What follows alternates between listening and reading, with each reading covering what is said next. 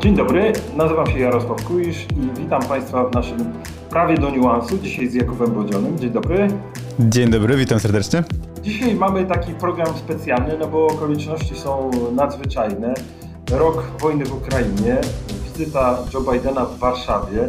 W zasadzie można by było powiedzieć, że to jest zamknięcie pewnego etapu, ale przecież wojna trwa, jesteśmy w samym środku tego, co się dzieje. No i warto byłoby się nad tym e, zastanowić. Tym bardziej, że w Polsce mamy do czynienia z takim jednak spłaszczeniem debaty. Nie waham się tego, tego powiedzieć, kiedy my patrzymy na wojnę, mamy swoje ramy. Mamy swoje ramy tej, tej, tej wojny, patrzymy na nią w pewien szczególny sposób. On jest uwarunkowany historią, geografią, oczywiście, ale prawda jest taka, że ta debata jest dzisiaj globalna. No właśnie, ale to w takim razie o co tak naprawdę chodziło w tej wizycie Bidena, bo mieliśmy szczególnie w polskiej przestrzeni polityczno-medialnej bardzo różne narracje, prawda, że wizytę wygrało PiS, albo że wygrała jednak Platforma Obywatelska. I kto z kim, na ile się spotkał, czy to był tylko handshake, czy to było spotkanie z Donaldem Tuskiem, czy z Rafałem Trzaskowskim, także bardzo e, szybko ta, wydaje mi się, bardzo ważna wizyta wpadła w, w takie standardowe polskie polityczne kolejny. No to są głupoty, no. To są głupoty po prostu. Prawda jest taka, że Joe Biden po pierwsze zachował się w sposób nieprawdopodobnie dyplomatyczny, bo w gruncie rzeczy ze wszystkimi ważnymi graczami politycznymi w Polsce, w Polsce się spotkał, prawda? Byli przywódcy e, państwa polskiego, ale był też Donald Tusk, prawda? I Rafał Trzaskowski. W związku z tym Amerykanie pokazali, że jak mało kto potrafią prowadzić swoją politykę dziel i rządź, a nawet, śmiem powiedzieć, robią coraz lepiej, jeśli chodzi o Polskę. Bo pamiętamy, że różne kiksy bywały w przeszłości. Amerykanie w ciągu roku nauczyli się bardzo dużo. No i wydaje mi się, że to jest taki, taki dobry, dobry moment, żeby porozmawiać o tych, o takich pięciu zdziwieniach, może, które, które mogą być takim podsumowaniem tego roku wojny. To co było tym największym zdziwieniem, jeśli chodzi o, o wizytę Bidena, ale może o ten, o ten cały rok wojny? No to chyba pierwszy punkt, gdybyśmy mieli tak podsumować sobie, jest takie przekonanie, że realiści geopolityczni zawsze mają rację. Realiści mają rację. Nie, nie mają. Pomylili no bo, się. No tak, no bo, bo to zawsze realiści patrzą, prawda, chłodno na rzeczywistość, a idealiści żyją swoimi złudzeniami. 24 lutego ubiegłego roku realiści się pomylili. Pierwszy realista, Władimir Putin, przejechał się tragicznie, e, jak wiadomo, bo e, miało wszystko trwać kilka dni. Operacja specjalna, dowód siły i potęgi rosyjskiej, e, rozpoczętej dawno temu wraz z wojnami toczonymi, na, interwencjami toczonymi na całym świecie.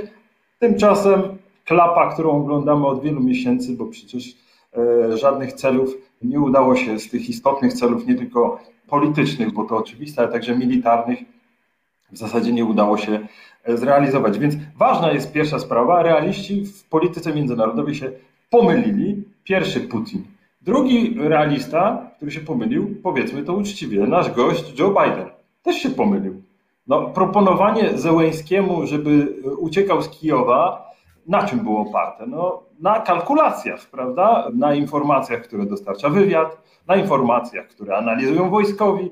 Później dochodzą jeszcze do tego politycy, którzy przyglądają się temu, co tam im podsunięto na biurko. Pomyłka? Jeszcze jaka? Gigantyczna, prawda? Tak, przy czym ta pomyłka właśnie, znaczy Podobnie zakładano błędnie, amerykański wywiad błędnie zakładał, jak w przypadku na przykład e, Afganistanu, że e, tam z kolei e, twierdzono, że ta armia afgańska będzie się bronić znacznie dłużej niż w rzeczywistości. Tutaj zakładano, że Ukraina będzie się bronić znacznie, znacznie krócej niż w rzeczywistości. Mówiło się o trzech dniach albo nawet o tygodniu. Tylko, że tutaj Amerykanie, jak rozumiem, ten błąd swój szybko naprawili i też po prostu dostosowali się do, do rzeczywistości. No właśnie, czy to, czy to jest szybko naprawione, to może ja bym się bardzo zastanawiał, bo raczej widzę w tym proces. To nie mhm. było tak, tak od razu. Oczywiście Zełęński postawił na swoim, powiedział, że zostaje w Kijowie. Amerykanie otworzyli szeroko oczy ze zdumienia, bo to się nie mieściło e, w ramach tych raportów, które leżały w lutym na stole. No ale na tym się nie skończyło. Amerykanie dalej. Przecież to nie jest, my, my dziś mówimy, w polskiej debacie publicznej skoncentrowano się na Berlinie głównie, że tam oszczędność w dostarczaniu broni. Przecież Amerykanie podobnie. Tam e, nie było wcale tak, że i do dziś w gruncie rzeczy nie jest tak, że nie zastanawiają się, nie drapią się po głowach, prawda, co lepiej dostarczać, gdzie są te czerwone linie, które tak naprawdę nie wiadomo gdzie są e, i jak nie sprowokować e, Rosji. Pierwsze i najważniejsze pytanie, które Joe Biden stawiał przed publiczną opinią swoją i światową w lutym, marcu, dotyczyło wojny nuklearnej. To znaczy, czy wybuch tej wojny może sprowokować coś więcej? Czy może się okazać, że za chwilę będziemy mieli konflikt zbrojny e, o skali globalnej? Amerykaniom długie tygodnie i miesiące zajęło przekonanie się, że to jest jednak wojna raczej konwencjonalna i choćby nie wiadomo ile Putin nie straszył, na razie nic nie wskazuje na to, żeby miał e, sięgnąć do tego swojego arsenału. Więc e, znów realiści musieli się dostosować do sytuacji. No tak, też jest chyba coś takiego, że jeśli któryś raz używa się tej groźby, w przypadku na przykład Putina e, groźby nuklearnej, no to ona traci na swojej mocy. Nawet teraz obserwowaliśmy to jego przemówienie ostatnie, no tam de facto nie było nic nowego, tak? To znaczy tam e, stare śpiewki o tym, że, że walczymy z Zachodem, że to NATO sprowokowało wojnę, że Rosja tylko się broni, no i nawet ta zapowiedź wycofania się ewentualnie Rosji, czy zawieszenia tego porozumienia nuklearnego niespecjalnie odbiła się szerokim echem, bo tak naprawdę Rosja już w tym, de facto w tym porozumieniu nie uczestniczy, bo nie dopuszcza na przykład inspektorów międzynarodowych na teren e, swoich ośrodków, tam gdzie ma tę broń jądrową. Także jakby ta groźba przestała mieć znaczenie, wydaje mi się, a przynajmniej ma na pewno mniejsze znaczenie niż na początku tej wojny. No tak, to jest, e, przypomina mi się taka, e, taka wypowiedź dyplomaty skandynawskiego, który powiedział, jeden z dyplomatów powiedział, nigdy nie myślałem, że będę tęsknić za politbiurem. I to chodziło o to, że, że nagle ten Władimir Putin w zasadzie dominuje, tak, ma tak skondensowane centrum władzy, jeśli można tak powiedzieć, że w zasadzie trudno pokazać jakieś ośrodki przeciw władzy w Rosji. To ma znaczenie w kontekście tego tematu nuklearnego, bo e, po raz pierwszy zastanawiamy się i tutaj muszę powiedzieć, że ja sam nie czuję się przekonany przez, chciałbym się czuć przekonany, ale nie czuję się przekonany przez tych e, wojskowych i znawców e, tego najcięższego arsenału broni, że Rosja nie użyje e, broni nuklearnej, bo w zasadzie są takie dwa argumenty główne. Pierwszy jest taki, że no to taktycznie będzie niestos- nic nie przyniesie, bo gdyby użyć na małą skalę, to nie będzie game changerem w Ukrainie i że to jest nierozsądne, bo zagrozi własnym wojskiem. No dość zdroworozsądkowa analiza, prawda? To nie ma nic nadzwyczajnego. Ale prawdę mówiąc, to w ogóle lekceważy cały aspekt psychologiczny. Lekceważy. Znaczy, znaczy to, to zupełnie lekceważy e, lekcję, którą odebraliśmy e, w 1945 roku, kiedy to Amerykanie użyli broni jądrowej i e, wtedy ten aspekt psychologiczny zdewastowania japońskiego morale był gigantyczny gigantyczny. Przecież Japończycy zamierzali się bronić do samego końca. To prawda, z, z jednej strony jak najbardziej, ale wydaje mi się, że i to jest chyba też to kolejne zaskoczenie, no, że Putin jak na razie nie jest osamotniony, tak? W sensie może z naszego punktu widzenia tak rzeczywiście wygląda, z perspektywy zachodniej, ale na przykład wsparcie chociażby związane z tym, że Indie kupują ogromne ilości ropy naftowej właśnie od Rosji, albo Chiny Mieliśmy wizytę ministra spraw zagranicznych Chin właśnie w Rosji. Też ma być ogłoszony ten chiński plan pokojowy, że te państwa, które wciąż pozostają jednak albo tak trochę okrakiem wobec, wobec tej wojny, albo mniej lub bardziej wspierają Rosję, od tej Rosji mogłyby się odwrócić w przypadku, gdyby ta broń nuklearna została użyta przez Putina, co zresztą było wprost sygnalizowane. Ja tylko dodam ten jeszcze drugi, drugi punkt naszym, naszym słuchaczom, ten drugi argument na rzecz y, tego, że Putin nie użyje broni jądrowej w małej skali. To jest właśnie, jest on związany z y, przekonaniem, że to by rozjuszyło wspomniane Chiny lub Indie, tak? że to by się uruchomiły. Ale w zasadzie mnie to też nie bardzo przekonuje, bo, bo to, to nie jest tak perswazyjne. A w zasadzie dlaczego, tak? To znaczy, że, że, że, że, że dlaczego nie? No, obserwujemy, były próby przeprowadzone przez całą zimną wojnę, prawda? One się w ostatnim trzydziestoleciu, prawda, no, z nielicznymi jakimiś wypadkami, prawda, tam za Chiraca we Francji przeprowadzano próby, ale, ale generalnie Dlaczego miałoby to zadziałać na Rosję, która jest w swojej wielkiej medialnej bańce, muszę powiedzieć, e, nie, nie czuję się przekonany. Tak? Chętnie bym znalazł jakiś argument, który by mnie przekonał. Podkreślam, nie chodzi o to, żeby życzyć sobie teraz e, najcięższych e, rodzajów broni w użyciu z arsenału rosyjskiego, tylko po prostu mnie te argumenty nie bardzo przekonują. One są słabe dla mnie biorąc pod uwagę rozwój wydarzeń. Drugie zdziwienie. Drugie zdziwienie, czy, czy może takie fałszywe przekonanie, które, które panuje w polskiej debacie publicznej, świat nas popiera. No właśnie, świat nas nie popiera. Świat nas w ogóle nie popiera. Jeżeli przyjrzymy się jakimś obiektywnym, jakimś obiektywnym e, miarom, no to ostatnio w Foreign Policy był, był taki artykuł, z którego wynikało, że E, jak policzono, 34 kraje nałożyły sankcje na Rosję. 34, to ledwie 34 kraje. Jak przyglądamy się inny parametr, e, ruch bezwizowy z Rosją, tak? Czyli Rosjanie mogą sobie podróżować jak chcą, mimo tego, że masakrują ludzi w Ukrainie. 87 krajów ma ruch bezwizowy z Rosją. Jak był, tak jest. W tym nie tylko Turcja, członek NATO, ale także Izrael.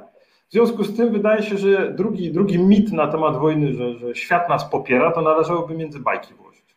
No tak, i to chyba płynnie też się wiąże z tym trzecim mitem, to znaczy tym, że może nie w takim stopniu, ale podzielony jest nie tylko świat, ale również Zachód, y, o czym my na przykład rozmawialiśmy ostatnio z y, Agnieszką Legucką i Łukaszem Pawłowskim w odcinku poprzednim mojego podcastu i tym, że Zachód przynajmniej deklaratywnie chce tego zwycięstwa Ukrainy i mówi o tym, chociaż też były takie różne stwierdzenia, na przykład kanclerz Scholz wielokrotnie mówił, że Ukraina nie może przegrać, a Rosja nie może wygrać tej wojny. Natomiast widać rzeczywiście, że tutaj nie ma wciąż po roku żadnego jednolitego zdania na temat tego, co to zwycięstwo Ukrainy, jak i porażka Rosji miałaby oznaczać i jak ona miałaby wyglądać w praktyce. No to jest ten trzeci mit. Trzeci mit, że Zachód jest zjednoczony. Co najmniej budzi wątpliwości, kiedy zaczniemy przyglądać się konkretom. Widać, jak zaczęło iskrzyć na linii Paryż-Berlin.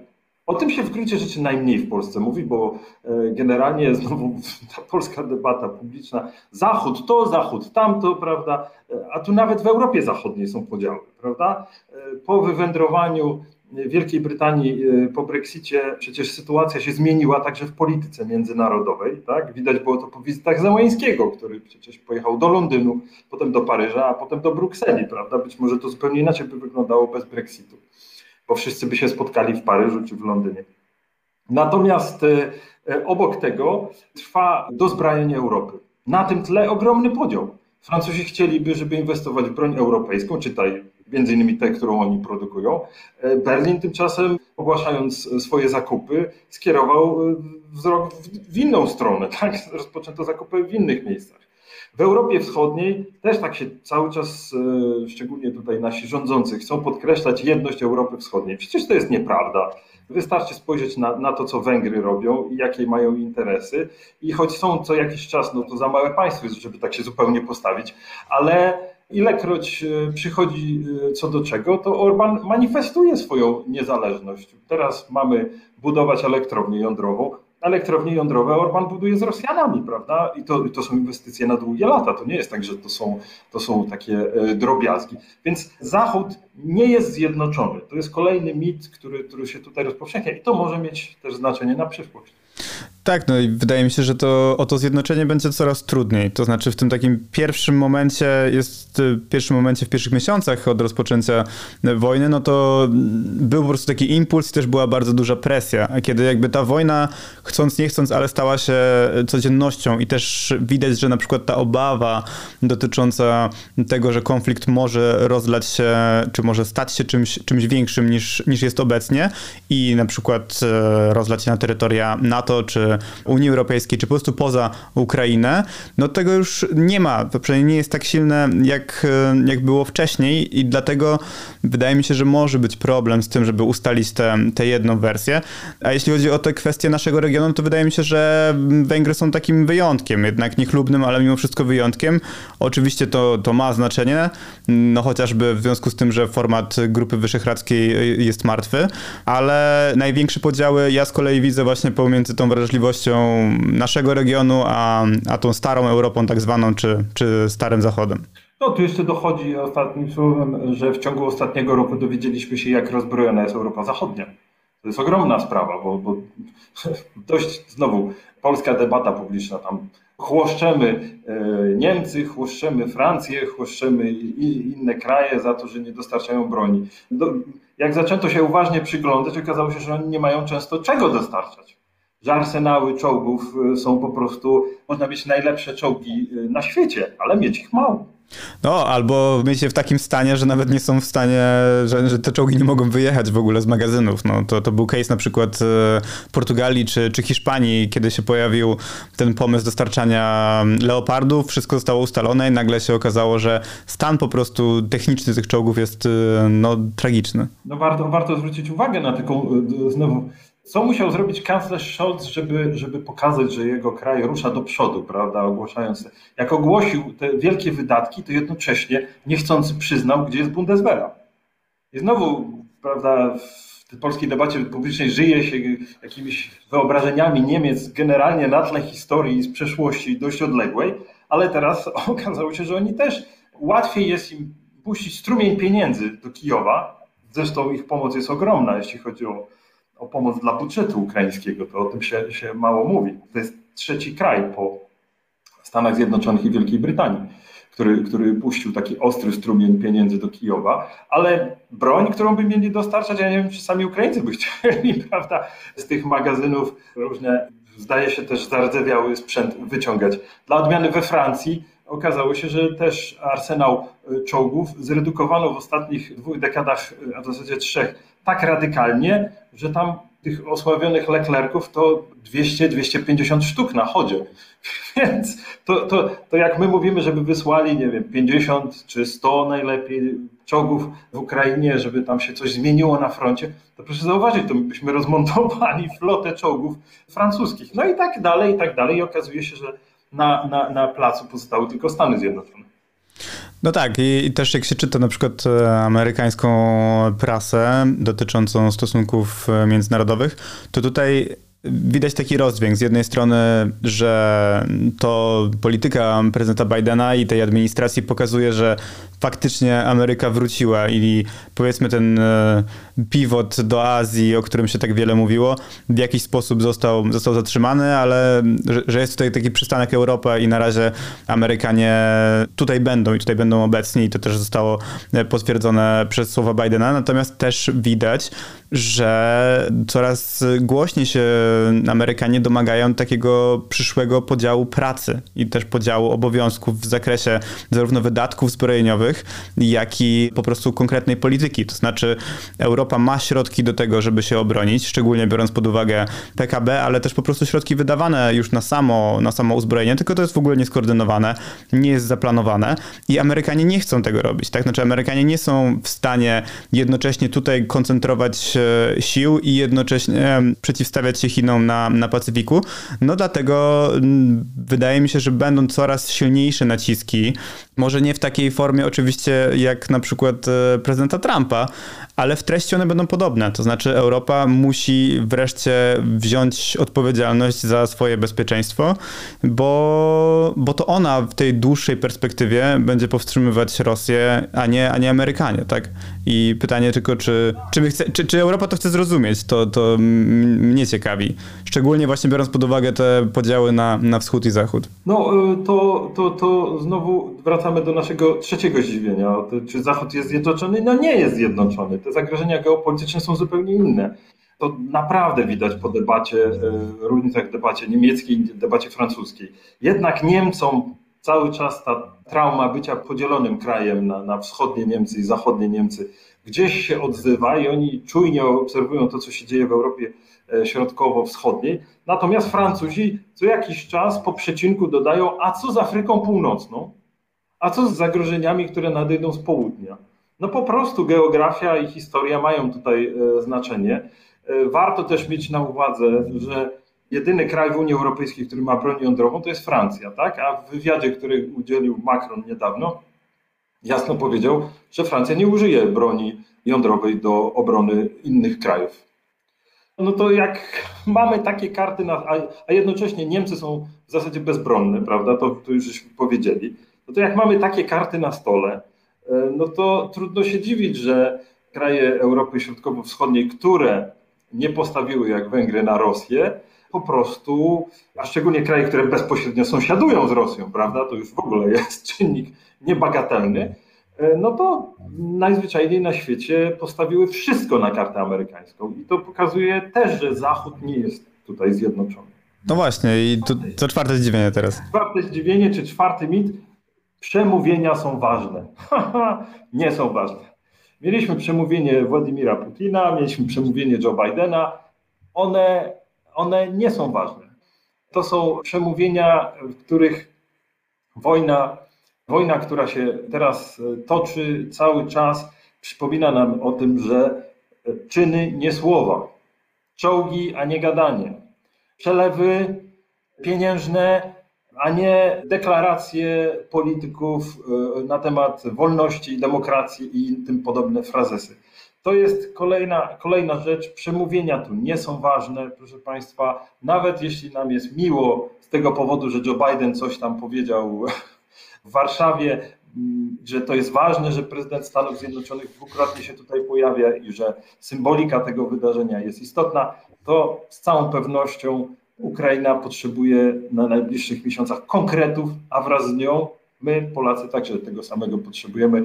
E, czynów, nie słów, więc przemówienia są ważne, nie, proszę Państwa. Czyny, czyny. Ja bym tutaj troszkę polemizował, to znaczy same przemówienia faktycznie są nieważne, natomiast e, słowa mają znaczenie, jeśli te czyny, o których wspomnieliśmy tutaj, z nich wynikają. To znaczy symbole wartości w polityce jak najbardziej, tylko po prostu trzeba je odpowiednio wykorzystać i one służą jako podkładka pod te czyny. I e, wizyta na przykład e, Joe Bidena w Kijowie zupełnie bezprecedensowa, była zarówno ważnym symbolem, jak i czynem, tak? To znaczy dla mnie to jest, nie, nie są rozłączne, rozłączne rzeczy. O.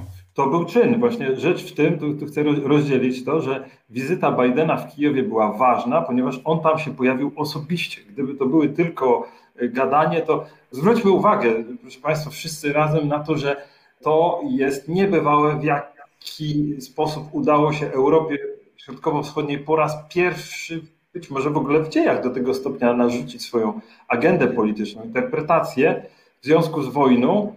E, rok temu to przywódcy naszego regionu pojechali do Kijowa i uważano, że tę wizytę za szaleństwo, tak? Nie minął rok, bo to był marzec, więc jeszcze rok nie minął.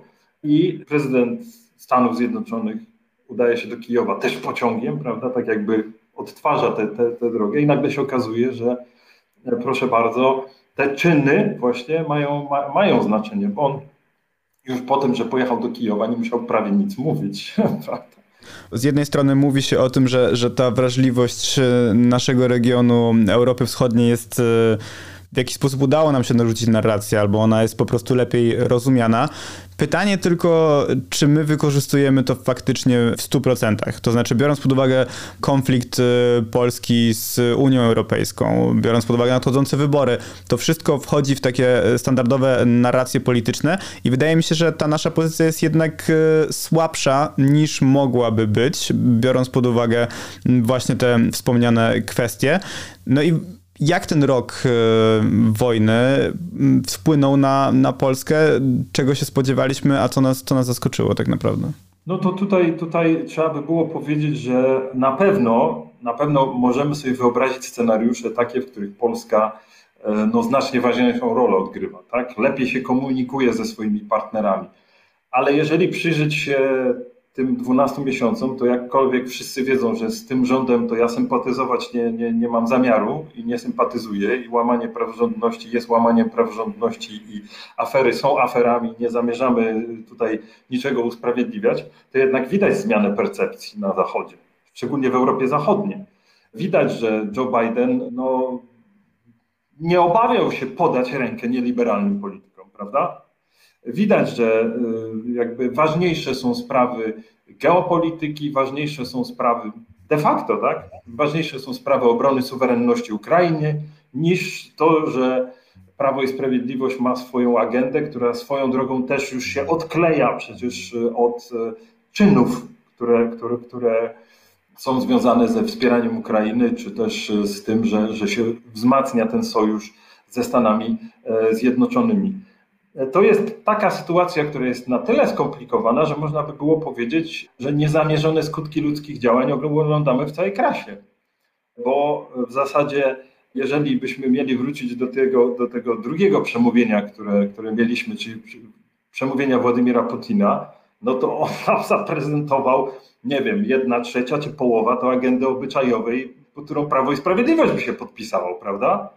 I to, I to nie są żadne żarty. To jest y, przeciwko Zachodowi, przeciwko przemianom obyczajowym na Zachodzie, y, dla wartości rodziny i, tak dalej. No to tego Putin bronił, prawda, w tym swoim, w tym swoim bombastycznym, okropnym przemówieniu. Połowa z tej agendy to jest agenda Prawa i Sprawiedliwości. To jest, to jest szpagat, który uchodzi też na sucho w dużej mierze, dlatego że w polskiej debacie publicznej następuje to takie spłaszczenie do sporu polsko-polskiego, tak? Platforma kontra PiS. To przejdźmy do tego ostatniego zaskoczenia, bo ono jest związane właśnie no, z platformą i pisem, a raczej po prostu y, polską polityką. To znaczy, był ten efekt flagi, czy, czy go nie było, czy ta wojna zdecyduje o, o wyborach w tym roku, czy nie zdecyduje, jaki będzie jej wpływ? No to ja, gdybyśmy mieli tak ująć piąte zdziwienie, to, czy piąte taki mit, Polska, Polacy popierają obronę Ukrainy bez oglądania się na konsekwencje. To jest mit, to jest mit. To nie jest tak, że nie oglądamy się na konsekwencje.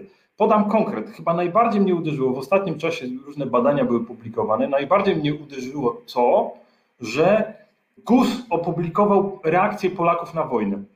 GUS opublikował kompletny dramat demograficzny w Polsce. To znaczy od momentu, kiedy wybuchła wojna, tam policzono 9 miesięcy, kiedy wypada i tak dalej, koniec zeszłego roku, mamy krach urodzeń w Polsce tak źle, tak nisko nigdy nie było. Czyli Polacy reagują na to, co się dzieje. To nie jest tak, że nie oglądamy się na konsekwencje, popieramy, owszem, popieramy, jesteśmy solidarni, ale jeśli chodzi o, o, o to, czy w Polsce oglądamy konsekwencje, które są no, bardzo poważne i, i co do ich konsekwencji na dłuższą metę, to można by było je choćby z punktu widzenia ekonomicznego analizować, prawda? Krach demograficzny w Polsce, co to oznacza dla systemu emerytalnego na przyszłość, prawda? Jednocześnie te zmiany związane z migracjami w Europie Środkowo-Wschodniej. Ogromny temat, potencjalnie duży temat i mam wrażenie, że nikt tego nie podejmuje. Prawo i Sprawiedliwość już na pewno nie jest tym zainteresowany, bo przecież niechcący oznacza to kompletne bankructwo tych pierwotnych założeń programu 500. No tak, ale to skupmy się jeszcze trochę na tej wewnętrznej polityce, to znaczy jak e, ta wojna na nią wpłynęła i czy wpłynie dalej, właśnie biorąc pod uwagę nadchodzące wybory. Ja jeszcze dodam do tych zaskoczeń, tylko też polskich, to, to jest zarówno moje osobiste, ale też e, widziałem na przykład profesor e, Maciej Duszczyk, który zajmuje się migracjami, też był zaskoczony tym, że nasz stosunek do Ukraińców, szczególnie do uchodźców, spodziewano się, że on latem, mniej więcej jesienią, że nastąpi to takie zmęczenie, że nie będziemy już chcieć pomagać, że bardziej będziemy się koncentrować na sobie i ono rzeczywiście w jakimś stopniu nastąpiło, ale w znacznie mniejszym niż się spodziewano. To znaczy my wciąż jesteśmy gotowi do tego, żeby nie tylko deklaratywnie popierać Ukrainę i Ukraińców, ale żeby właśnie w jakiś sposób się poświęcać ku temu celowi. No, cóż można powiedzieć poza tym, że jesteśmy po prostu chyba rozsądni w tej sprawie. My, Polacy, po prostu zareagowaliśmy przytomnie. Może nawet jesteśmy zaskoczeni tym, jak bardzo przytomnie, biorąc pod uwagę polską historię, prawda? To znaczy widzieliśmy ileż to razy od XVII wieku widzieliśmy, gdzie dwóch się bije, tam trzeci korzysta, mówiąc już tak naprawdę najprościej, prawda? Spory polsko-ukraińskie, czy spory Polski z innymi krajami regionu, no naprawdę korzystały na tym zwykle inne kraje, a Rosji pokazywać palcem przecież nie, nie trzeba, jak bardzo byłaby zainteresowana jakimiś sporami polsko-ukraińskimi. Tutaj okazało się, że solidarność razem z obawami splotła się w sposób nie do, nie do rozłączenia i można by było powiedzieć, że to taka kolejny kamyczek do tego polskiego ogródka politycznego, że Polacy zareagowali w pierwszym momencie na przekór swojej klasie politycznej. To, to jest też piękne na swój sposób. To znaczy, proszę, żebyśmy zwrócili uwagę na to, że kiedy pojawiła się ta pierwsza fala migracyjna, to okazało się, że spory polityczne na moment, na moment, żebyśmy się dobrze zrozumieli, na moment zostały zawieszone. Idziemy pomagać. Solidarność, tak? Ludzie są w potrzebie. Wojna wybuchła, wiemy co to oznacza. Od 300 lat wiemy co to oznacza. W związku z tym tutaj trzeba pomóc ludziom w potrzebie, bo e, my będziemy następni, bo to jest niesprawiedliwe, bo to Putin, bo to to, bo to tamto. I nagle okazało się, że głębokie podziały na polskiej scenie politycznej zostały odłożone przez Polaków na moment, podkreślam, na bok. Ludzie zajęli się kryzysem migracyjnym, ludzie się zajęli pomocą w potrzebie. I osoby z prawej, z centrum czy z lewej strony politycznego spektrum zachowywały się tak samo. Wszystko jedno, czy ludzie z prawicy, czy ludzie z lewicy ofiarowywali pomoc ludziom w potrzebie, prawda? I to tak daleko idąco, to do dziś, wczoraj oglądałem program w telewizji francuskiej, do dziś Francuzi są pod wrażeniem, że Polacy przyjmowali uchodźców we własnych domach, domyśle, bo oni się do tego by tak nie palili zaraz znowu. Więc proszę Państwa, doceńmy to. To było wbrew wojnie polsko-polskiej zrobione w dużej mierze. Panika to, potem. To prawda. Na mnie też to, to, to, bardzo duże wrażenie zrobiło i zresztą jakby do dzisiaj, jak, jak to wspominam, to, to jestem pod e, sporym wrażeniem tej, tej postawy takiej ponadpolitycznej. Te pierwsze dni wojny były, były niesamowite pod tym względem. Ale y, wspomnieliśmy o tym, że na chwilę te spory polityczne zostały wyciszone. One później wróciły może nawet y, ze zdwojoną siłą. Ale pytanie właśnie, czy politycznie ktoś tę wojnę wygrał albo czy na niej skorzystał? No to jest ciekawe, bo chyba nikt. To chyba nikt. No bo jeżeli spojrzymy na to, że tam y, nagle wszyscy się dowiedzieli z podręczników, wywędrował do debaty publicznej tak zwany efekt flagi, prawda? No, efekt flagi to byłby wtedy, gdyby PiS e, dzięki swojej polityce e, miał 50 parę procent, prawda? 60, 70, to by dopiero był wynik, prawda? E, są takie sytuacje, możemy pokazać, że w Europie Zachodniej efekt flagi przynosił spektakularne wzrosty politykom opinii publicznej, nawet na moment. W przypadku PiSu, jak ktoś tak dzieli scenę polityczną, okazało się, że podzielił ją na tyle trwale, że osoby z innych obozów w ogóle się nie paliły. To znaczy będziemy pomagać tak jakby przeciwko tym politykom, przeciwko e, obozowi rządzącemu. Kto sieje polaryzację, ten zbiera jej owoce, prawda? To jest sprawa, sprawa bardzo prosta. PiS w gruncie rzeczy ma za swoje, bo podkreślmy, oni cały czas krążą w sondażach dookoła plus minus 30%, a to jest ich stałe poparcie. W latach, w których Platforma triumfowała, w 2011 roku PiS miał 29% w wyborach. Więc oni są tam, gdzie byli. To druga strona ma cały czas kłopot z tym, żeby się e, poukładać. No i tu można by było powiedzieć, że cały czas nie dziwi, ostatnie ze zdziwień, ale już tych drobnych, prawda, nie tych głównych, jest takie, że opozycji nie udało się przeforsować jakiegoś swojego gabinetu cieni na czas kryzysów, jakichś takich pięciu wiodących postaci, które by wypowiadały się jako eksperci ze strony e, nie ci sami politycy wiecznie, prawda, gadające głowę od wszystkich tematów, tylko pięciu ekspertów z własnego obozu, którzy przebijają się do, do, do, do debaty publicznej w związku z kryzysem, tak jak był kryzys pandemiczny, czy teraz tak jak jest e, kryzys związany z wojną. Muszę powiedzieć, że tu cały czas jest ogromne pole do popisu dla opozycji. To prawda, jak najbardziej. Myślę, że na tym zdziwieniu możemy w takim razie mm, zakończyć dzisiaj i chyba też e, jednocześnie polecić nasz najnowszy numer Kultury Liberalnej, w której rozmawiamy o wojnie jednak z ukraińskiej perspektywy. Tak jest, bardzo gorąco polecamy. Proszę Państwa, mamy, rozważamy w nim e, scenariusze. Ukraińcy pracują nad tym, co miało być po wojnie i rozważają scenariusze rozpadu Rosji. Zastanawiają się nad tym, co zagwarantowałoby naprawdę pokój na świecie. No, Rosjanie na pewno są innego zdania, ale warto, warto widzieć, jak y, rozwija się debata na ten temat w Ukrainie. Gorąco Państwu, Państwu polecam, szczególnie wywiad z analitykiem y, Walerym Pekarem, który przedstawia, w pewnym sensie podsumowuje ten punkt widzenia na przyszłość po wojnie, czy też w trakcie wojny, co byłoby najlepsze dla pokoju światowego? No, odpowiedź rozpad Rosji kontrowersyjna sprawa na zachodzie Europy i chyba też w Stanach Zjednoczonych cały czas. To w takim razie myślę, że tutaj te linki znajdą Państwo mm, pod filmem do naszego najnowszego numeru, a my na dzisiaj już się pożegnamy. Dziękuję bardzo. Dziękujemy również i do zobaczenia. Do zobaczenia.